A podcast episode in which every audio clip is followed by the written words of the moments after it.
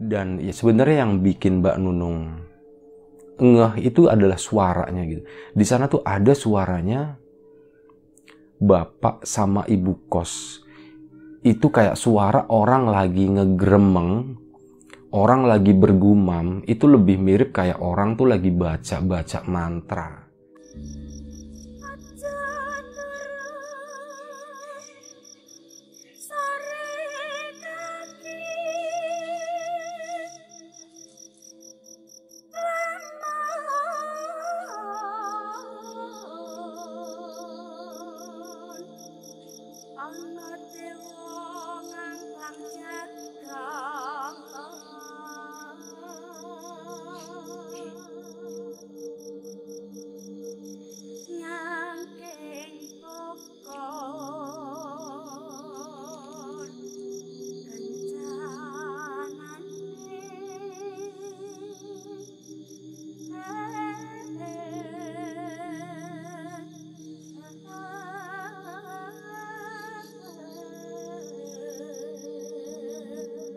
Ini adalah cerita ke 220 di lapak horor dan cerita kali ini tuh masih mengangkat salah satu cerita kiriman dari kawan subscriber. Namanya Mbak Nunung dan kejadiannya itu sekitar tahun 80-an akhir di mana waktu itu Mbak Nunung itu baru masuk sekolah SMA. Tapi sebelum kita ke cerita seperti biasa gue pengen ngucapin banyak-banyak terima kasih buat kawan-kawan subscriber semuanya. Terima kasih buat kawan-kawan yang udah ngasih support, udah ngasih dukungan. Terima kasih juga buat kawan-kawan yang udah ngasih like, udah nge-share ke yang lainnya dan nggak lupa juga terima kasih banyak buat kawan-kawan yang udah ninggalin komentar. Terima kasih. Nah, sekarang gue sengaja ya recording tuh agak awal. Sekarang baru jam 9 malam lewat, jam 9 lewat 12 menit. Uh, dan mungkin karena masih sore kalau misal ada suara-suara dari luar yang ikut masuk harap dimaklumi juga. Sama ada satu hal lagi kalau misal di tengah-tengah cerita tiba-tiba gue batuk-batuk gitu ya harap dimaklumi juga karena sekarang kondisi gue masih batuk belum sembuh. Sama satu hal lagi karena cerita ini menurut gue tuh cukup panjang jadi gue akan coba bawainnya tuh serileks mungkin sesantai mungkin. Jadi kalau nanti ya semoga intinya tuh ini masih tetap nyaman didengerin sama kawan-kawan semuanya. Akhir tahun 80-an menjelang tahun 90, Mbak Nunung masuk sekolah swasta yang kebetulan sekolahnya itu lumayan jauh dari tempat apa tempat tinggal dia di kampung dan hal itu tuh memaksa Mbak Nunung untuk ngekos. Dan akhirnya ya udah mau nggak mau Mbak Nunung pun harus ngekos harus nyari kosan. Nah masalahnya adalah tahun 80-an akhir itu di daerah situ ya itu masih sangat jarang. Yang namanya rumah kos-kosan itu jarang banget. Dan biasanya kalaupun ada itu adalah kayak satu rumah, satu keluarga yang memang ada kamar kosong, ya udah cuman satu kamar itu doang yang dikosin kayak gitu. Dan hari itu Mbak Nunung nyari, akhirnya ketemu satu kosan, satu rumah, satu kamar, seperti yang gue bilang tadi. Jadi rumah itu adalah rumah yang termasuk tergolong besar di kampung itu, tapi nggak terlalu besar ya, maksudnya dibandingin sama rumah-rumah yang lain itu kondisinya yang yang termasuk yang bagus gitu. Dan ada satu kamar yang kosong, itu kamar depan, itu yang uh, karena kosong tadi nggak ada yang nempatin, akhirnya disewain dan akhirnya Mbak Nunung pun nempatin kamar itu setelah sepakat ya harga dan sebagainya. Akhirnya oke okay deh Mbak Nunung nempatin uh, kamar itu. Nah rumah itu sendiri itu adalah milik uh, satu keluarga, suami istri doang yang nggak ada anaknya. Jadi cuma tinggal mereka doang yang tinggal di situ. Mereka itu usianya kurang lebih sekitar 50 tahunan, 50 lebih lah, ya 50 tahun. Dan ya mulai hari itu Mbak Nunung itu udah stay di situ setelah barang-barangnya diangkutin. Akhirnya mulailah di situ. Itu sebelum sekolah masuk ya. Mungkin uh, sehari dua hari sebelum sekolah masuk kayak ya mungkin buat penyesuaian segala macam kayak gitu ya ya udah uh, Mbak Nunung di situ awalnya semuanya itu nggak ada apa-apa, semuanya itu baik-baik aja, nggak ada masalah sama sekali. Sampai akhirnya pada suatu hari Mbak Nunung itu lagi tidur dan dia itu bermimpi itu ketemu sama bapak dan ibu kosnya itu suami istri mereka berdiri di depan Mbak Nunung jalan ngedeket kayak gitu ya dan seolah-olah uh, kayak mau ngerangkul kayak gitu Nah di situ ngedapat mimpi kayak gitu Mbak Nunung tuh nggak berpikir yang macem-macem, nggak berpikir yang aneh-aneh. Intinya kayak oh mungkin karena baru ketemu orang baru dan kebetulan bapak sama ibu kosnya itu uh, perlakuannya itu baik ya. Jadi itu kayak oke okay lah jadi masuk ke alam bawah sadarnya akhirnya muncul di mimpi. Mbak Nunung tuh masih mikirnya seperti itu awalnya. Sampai ada ya kejadian-kejadian lain yang nanti bakal gue ceritain satu persatu yang akhirnya bikin semuanya tuh jadi terbuka gitu. Kejadian pertama, sorry kedua ya setelah yang per, yang pertama itu yang mimpi tadi. Yang kedua pada suatu malam Mbak Nunung itu kayak apa ya? Intinya begini. Jadi beberapa hari setelah tinggal di sana, Mbak Nunung itu akhirnya tahu kalau ternyata bapak sama ibu kosnya itu itu suka nyediain sajen atau sesaji, sesajen gitu ya. Itu yang ditempatin di beberapa titik di rumah itu, di sudut-sudut rumah, di belakang rumah, di bagian halaman depan itu ada. Dan itu dilakuin kayak nggak setiap hari ya, tapi beberapa hari sekali itu dilakuin, dikasih seperti itu. Dan Mbak Nun tuh sering ngelihat, oh ternyata ada sajen, ternyata ada sajen kayak gitu. Dan kejadian pertama yang dialami sama Mbak Nunung, suatu malam dia tuh lagi baru mau tidur ya. Ini udah masuk sekolah dan waktu itu masih sekitar jam 11 malam dia belum belum tidur. Dia masih ngedengerin radio gitu kan karena zaman itu hiburannya mungkin cuma radio doang, belum ada HP, belum ada laptop atau ya komputer itu juga masih sangat terbatas kan. Jadi cuma bener-bener satu-satunya hiburan itu ya biasanya radio atau nulis diary ya. Ya buat angkatan-angkatan segitu pasti tahu lah uh, waktu itu tuh kayak gimana kondisinya. Nah hari itu malam itu Mbak Nunung tuh lagi ngedengerin radio. Dia lagi santai gitu ya, lagi tiduran gitu ngeliatin lampu di langit-langit. Tiba-tiba dia tuh ngedenger ada suara gerupak gerupuk kayak gitu. Itu mirip kayak suara tikus yang lagi ngorek-ngorek tong sampah kayak gitulah. Gerupak gerupuk gerupak gerupuk kayak. Dan Mbak Nunung tuh mikir wah ini suara apaan nih? Wah jangan-jangan ada tikus nih di depan suara itu datangnya dari halaman rumah ya dari depan kebetulan ya kamarnya Mbak Nunung kan paling depan dan di situ tuh ada jendela yang ngadep langsung ke halaman itu. Ya udah suaranya tuh makin kencang, makin kencang, gerupak gerupuk, gerupak gerupuk. Akhirnya Mbak Nunung pun penasaran gitu. Dia ini apa sih? Dia di pikiran dia tuh cuman kayak tikus got gitu ya, tikus yang gede yang lagi ngorek-ngorek sampah. Dia cuman itu doang. Dia tuh cuman pengen nengokin gitu. Pas nengokin, Mbak Nunung tuh kaget banget. Astagfirullahalazim gitu. Dia langsung astagfirullahalazim dan dia bener-bener lemes banget ngelihat apa yang dia lihat malam itu. Jadi Mbak Nunung itu ngelihat ada satu sosok perempuan yang kalau dilihat dari dalam situ ya, dari dalam kamarnya itu, sosoknya itu gelap, kurus, warnanya hampir hitam semua, kelihatan rambutnya itu panjang. Dan sosok itu tuh lagi makanin sesajen atau sajen yang ditaruh di depan rumah. Jadi ada sesaji yang sesajen yang ada makanannya juga. Kayak ada jajanan pasar dan yang lain-lain ya.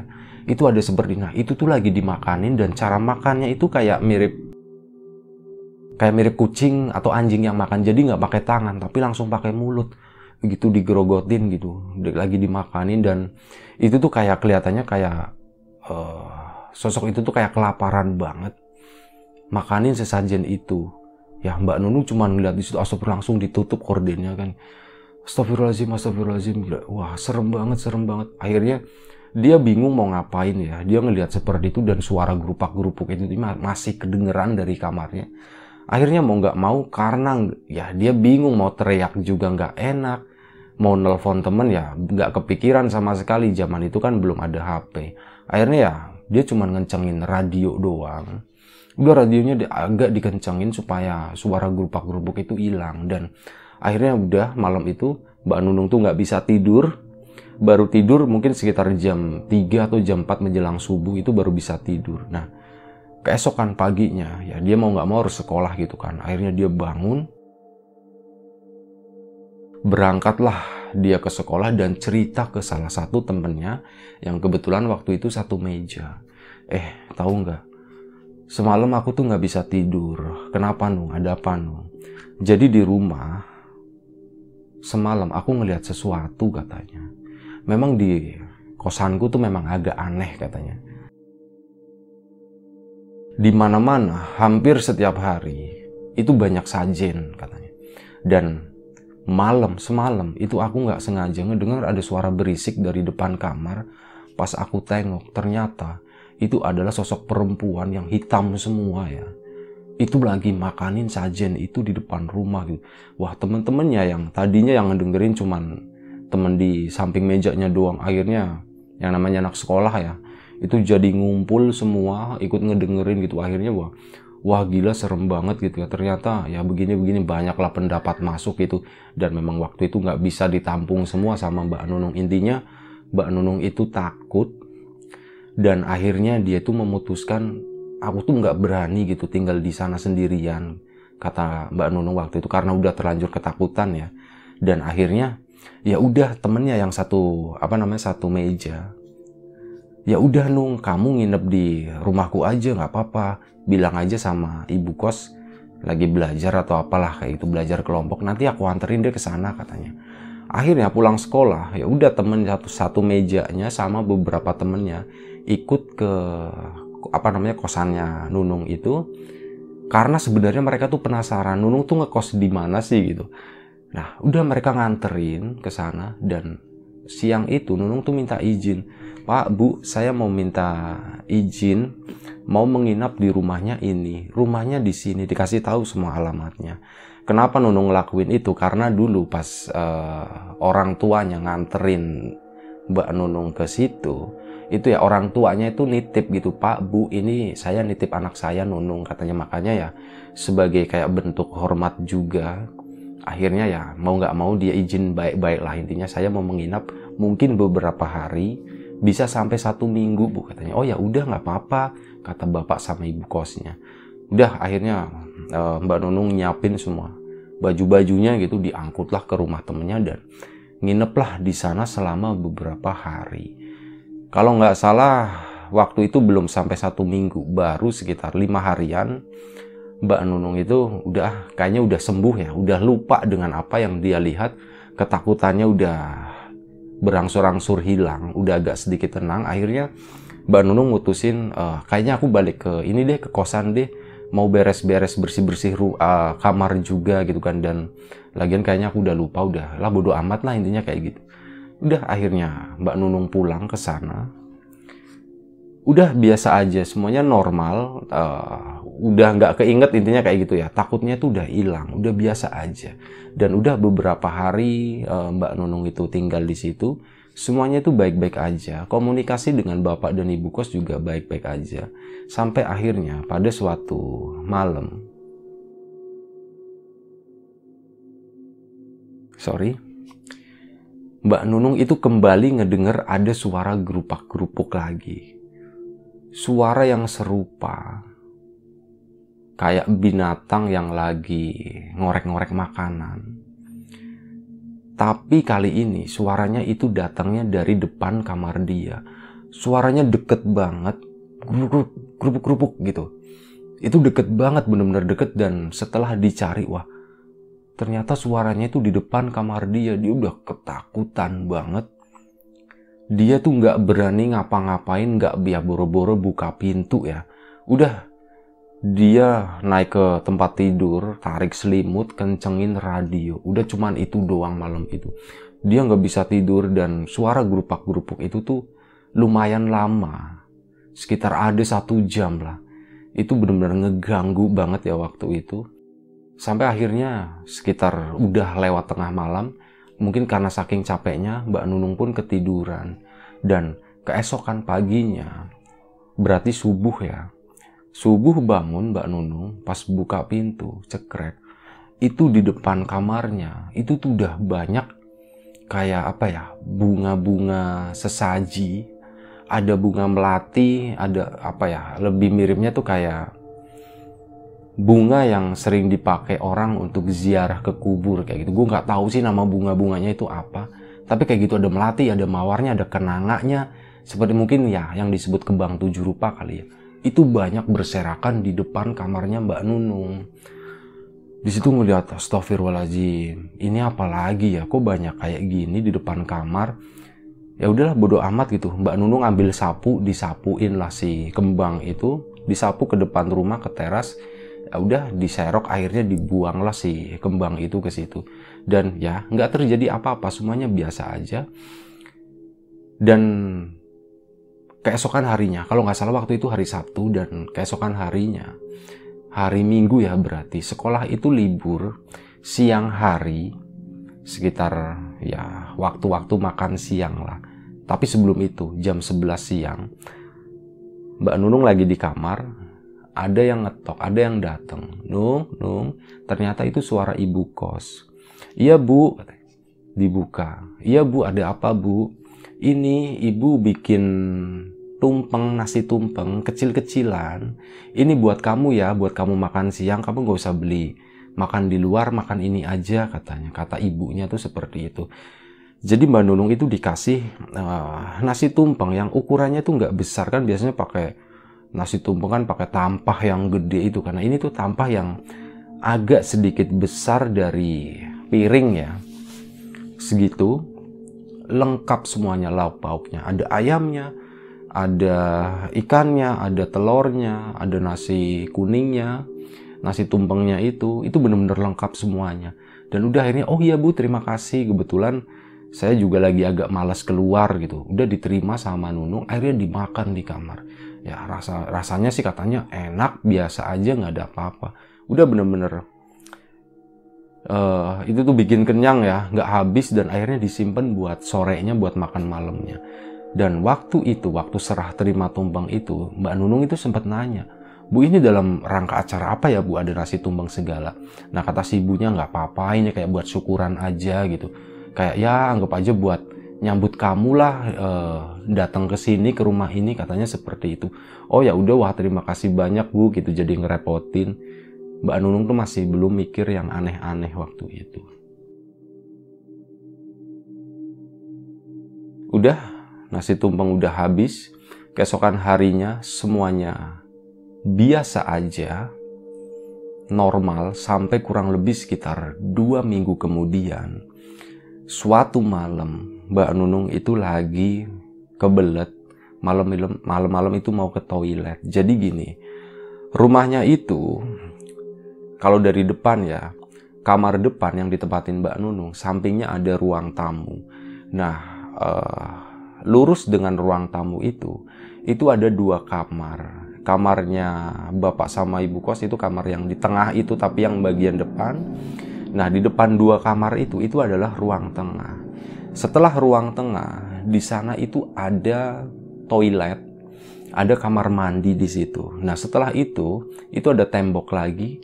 Nah, ke belakang sana itu ada kayak ruangan yang terbuka. Itu kayak semacam kalau Mbak Nunung bilang sih itu kayak semacam taman ya, taman tapi kecil, di mana di situ tuh ada batu besar sama kayak ada uh, batu yang posisinya datar itu bisa buat duduk orang di situ. Katanya seperti itu. Nah, udah Mbak Nunung itu mau ke toilet dan malam itu itu kan jadi pintu dari yang toilet itu ke arah belakang ya, yang gak ada atapnya itu, yang terbuka, itu pakai pintu lama yang ada kacanya. Jadi kelihatan gitu.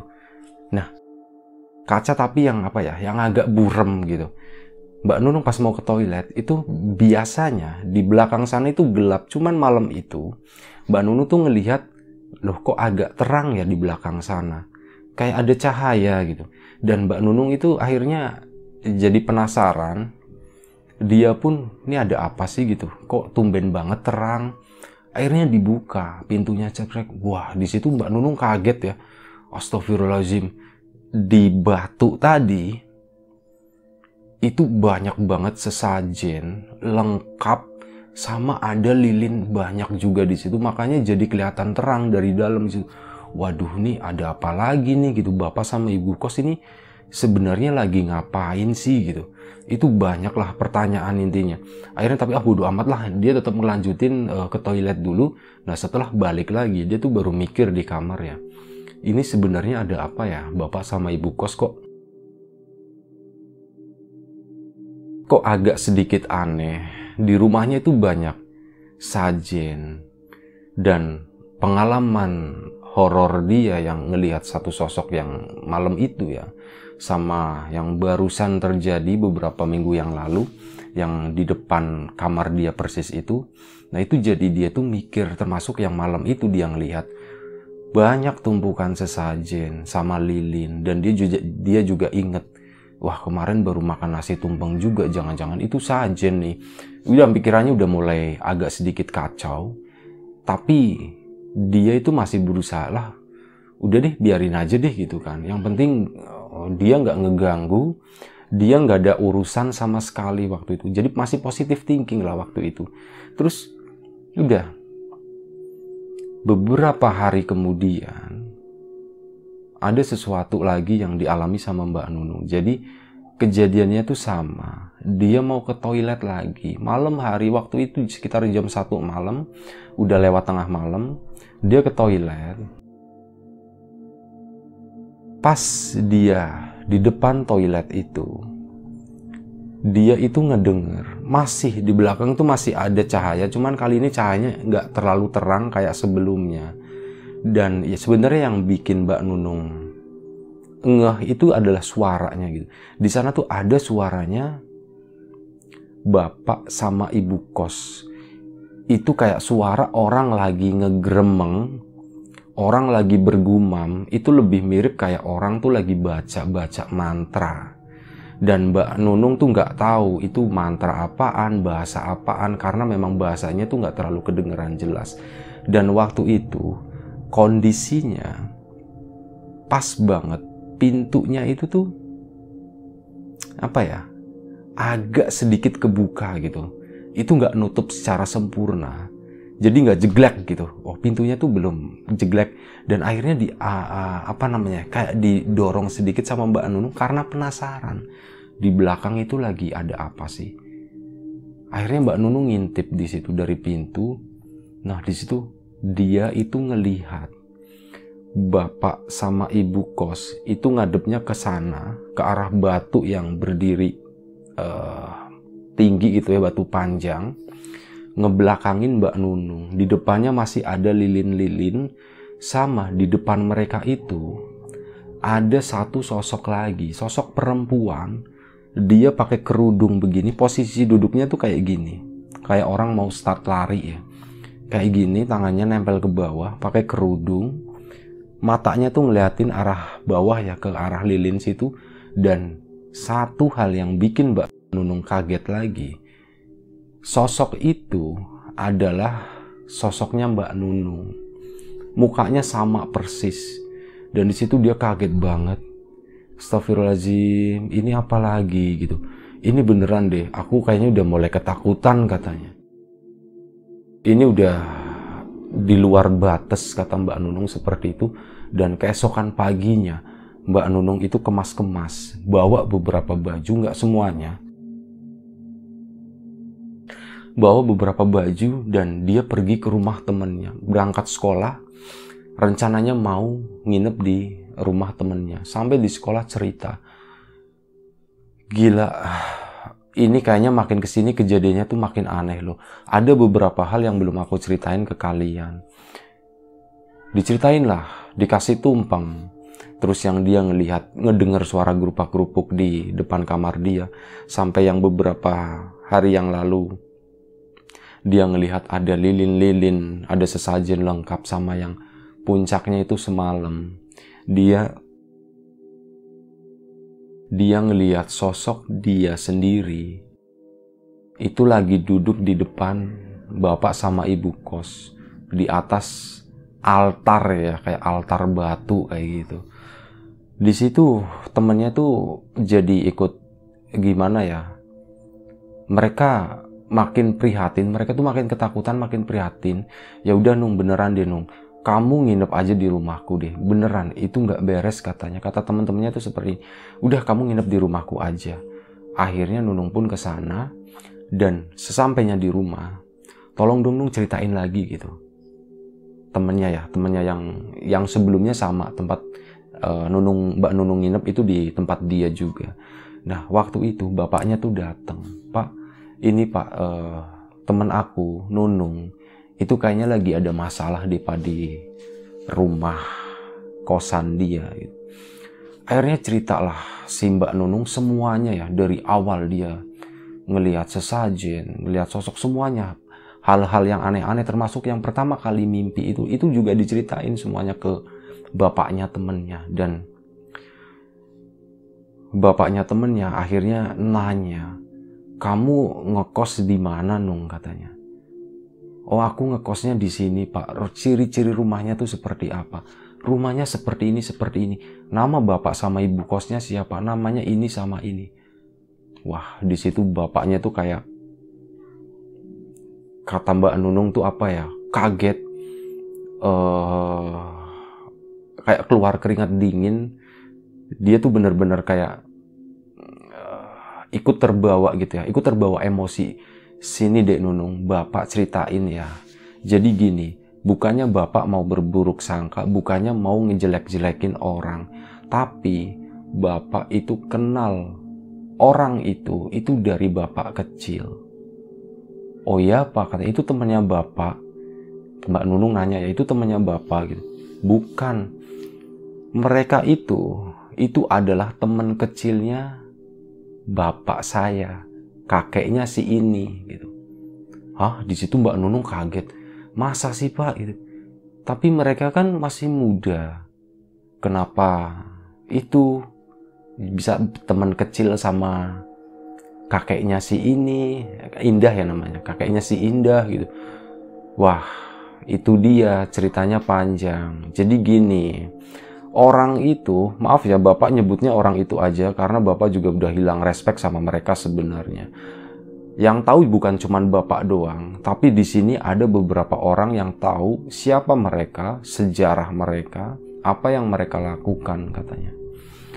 Jadi mereka itu adalah ya mereka tuh melakukan sesuatu, mereka tuh mengamalkan ilmu, menjalani sebuah ilmu, ilmu sesat, ilmu gelap itu supaya mereka tuh nggak mati-mati supaya mereka tuh uh, muda terus usianya tuh segitu-gitu aja. Kayak gitu katanya. Wah di situ Nunung jadi makin bingung gitu ya. Terus apa hubungannya sama Nunung pak? Kok Nunung jadi yang sering diganggu dan ya yang terakhir yang Nunung ngelihat Nunung diri Nunung sendiri di depan mereka berdua itu. Nah itu dia nak nunung dek nunung. Hati-hati. Saran bapak kamu udah nggak usah pulang. Sekarang gini aja deh saran bapak ya. Kalau mau didengerin syukur kalau enggak juga ya bapak nggak maksa. Tapi beneran deh mending ikutin aja. Jadi gini kamu nggak usah balik lagi ke sana. Hari ini atau besok bapak antar kamu pulang ke rumah. Kamu ceritain semuanya ke orang tua kamu. Bapak antar deh sama ini juga sama Indah sama nanti bapak bawa beberapa teman bapak katanya. Oh gitu pak gitu. nanti merepotkan enggak pak? Enggak tenang aja kata bapaknya. Beneran deh. Mau enggak kamu seperti itu?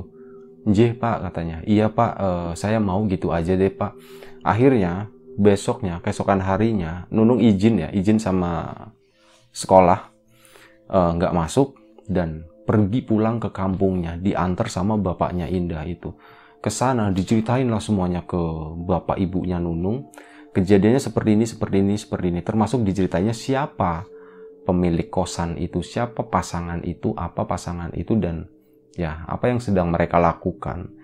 Orang tuanya Nunung ya agak-agak gimana ya, agak-agak nggak percaya, tapi memang seperti itu kejadiannya dan akhirnya ya udah pulang orang tuanya Nunung itu ikut ke situ. Rencananya buat ngambil barang-barangnya karena Nunung mau pindah kosan.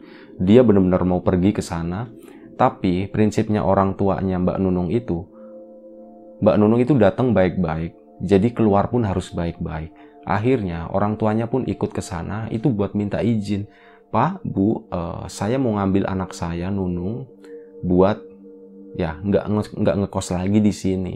Kita akan pindah kosan katanya.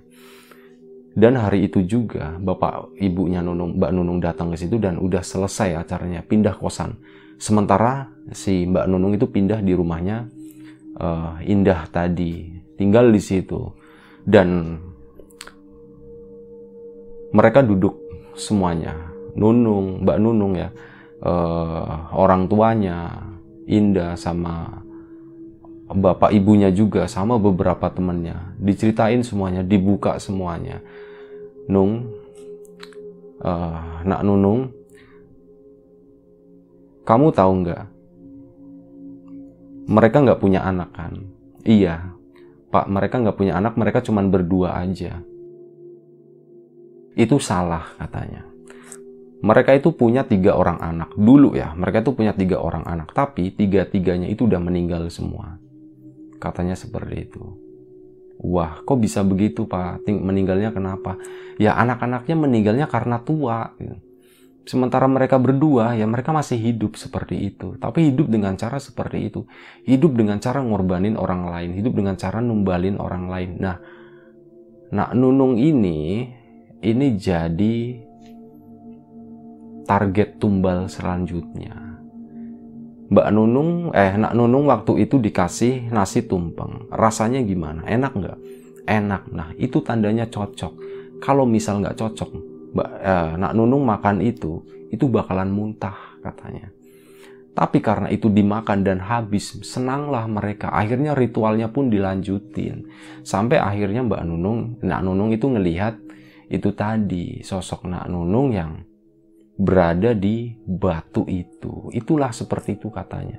Makanya udah alhamdulillah Nak Nunung itu terbuka semuanya, terbuka ke Indah, ke teman-teman yang lain. Akhirnya ya kita semua jadi tahu dan alhamdulillah Nak Nunung juga bisa selamat dari orang tadi. Nah, kurang lebih seperti itu ceritanya.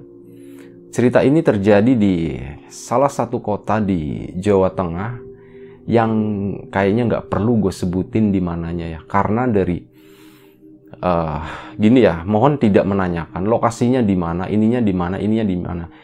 Informasi yang uh, enggak gue sampein itu biasanya sengaja gue tutup tutupin itu untuk menjaga privasi untuk menjaga atau menghindari dari hal-hal yang nggak diinginkan. Kayak gitu. Termasuk kayak cerita yang judulnya kawin kemarin. Itu banyak yang nanya di mana di mana di mana dan ya itu aja uh, itu uh, gue nggak bisa respon untuk hal-hal seperti itu yang menanyakan di alamat karena di awal video juga udah dijelasin. Nama lokasi semuanya itu udah disamarkan untuk menjaga privasi itu tadi. Nah ya harap dimaklumi dan gue mohon maaf kalau misal ada sesuatu yang nggak uh, menyenangkan ada sesuatu yang kurang enak didengar saat ngebawain cerita ini. Kita ambil sisi positifnya, kita buang jauh-jauh sisi negatifnya. Terima kasih banyak buat kawan-kawan yang udah mau nonton, udah mau dengerin uh, video-video uh, di lapak horor ini. Jaga kesehatan kawan-kawan semuanya. Sekali lagi terima kasih banyak. Mohon maaf sebesar-besarnya. Assalamualaikum warahmatullahi wabarakatuh.